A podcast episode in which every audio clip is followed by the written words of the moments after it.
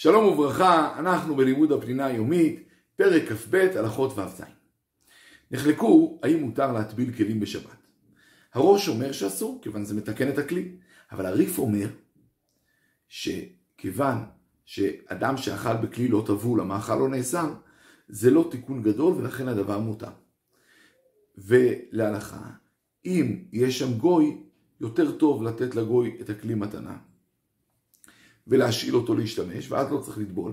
מוצאי שבת יבקש מהגוי שיביא לו את הכלי, ואז יטביל אותו בברכה.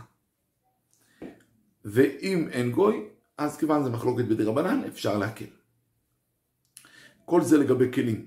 אבל לגבי אדם, מותר שאדם יטבול. למה? כי זה נראה כאילו מתרחץ, ולכן עם אלה זה מותר. אבל גר, לגרותו לא יטבול. כי כאן זה ודאי תיקון גדול, שהוא הופך מגוי ליהודי, ועוד שצריך שבית דין יראה אותו, ואמרנו שגזרו על מעשה בית דין, שמא יכתוב שטרות, לכן עם אלה לא יעשה, ואם בפועל טבע לגר, עלה לו, עלתה לו טבילתה, והוא נחשב ממילא גר. הוא הדין שאסור למדוד ולשקול, מכיוון שזה דומה למעשה חול ומסחר. אז אדם לא ימדוד את המשקל שלו ואת הגובה שלו, ואורך וגובה של רהיטים או של חדרים. אבל מדידה לצורך מצווה מותר, ולכן אם צריך אה, למדוד את המקווה, לראות אם יש שם 40 שאה, הדבר מותר. הוא הדין, אם צריך למדוד תרופה כדי לתת אה, איזשהו אה, שיעור מסוים, מותר. למדוד חום, מותר. הוא, הוא הדין אם צריך לצורך תינוק, למדוד אה, אוכל, אם יש תינוק שיש לו בעיה וצריכים כל פעם לשקול אותו, מותר לשקול אותו כדי לבדוק אם הוא עולה במשקל אחרי הארוחות. כל זה, כיוון זה צורך מצווה או צורך גדול, הדבר מותר.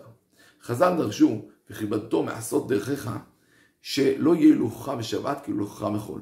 ולכן אלה אסור לרוץ או ללכת בצעדים גדולים, אלא אם כן, זה לדבר מצווה. אדם רוצה לרוץ לשיעור, לרוץ לבית הכנסת, הדבר מותר ואפילו מצווה. אם יש תועלת גדולה בריצה או בצעדים הגדולים, הדבר מותר. לדוגמה, אם יורד גשם, הוא רוצה לרוץ, שלא להירטב, הדבר מותר. או אם יש שלולית, הוא רוצה לעשות צעד גדול כדי לא להירטב בשלולית, הדבר מותר. הוא הדין, אם יש הנאה גדולה בזה. נערים וילדים שאוהבים לרוץ ולהשתולל, מותר להם לרוץ ולהשתולל בשבת, וגם מבוגרים שמשחקים איתם, מותר להם לרוץ בשבת, כיוון שזה לצורך הנאה אה, וזה שמחה גדולה ממילא הדבר מותר. שלום ושלום.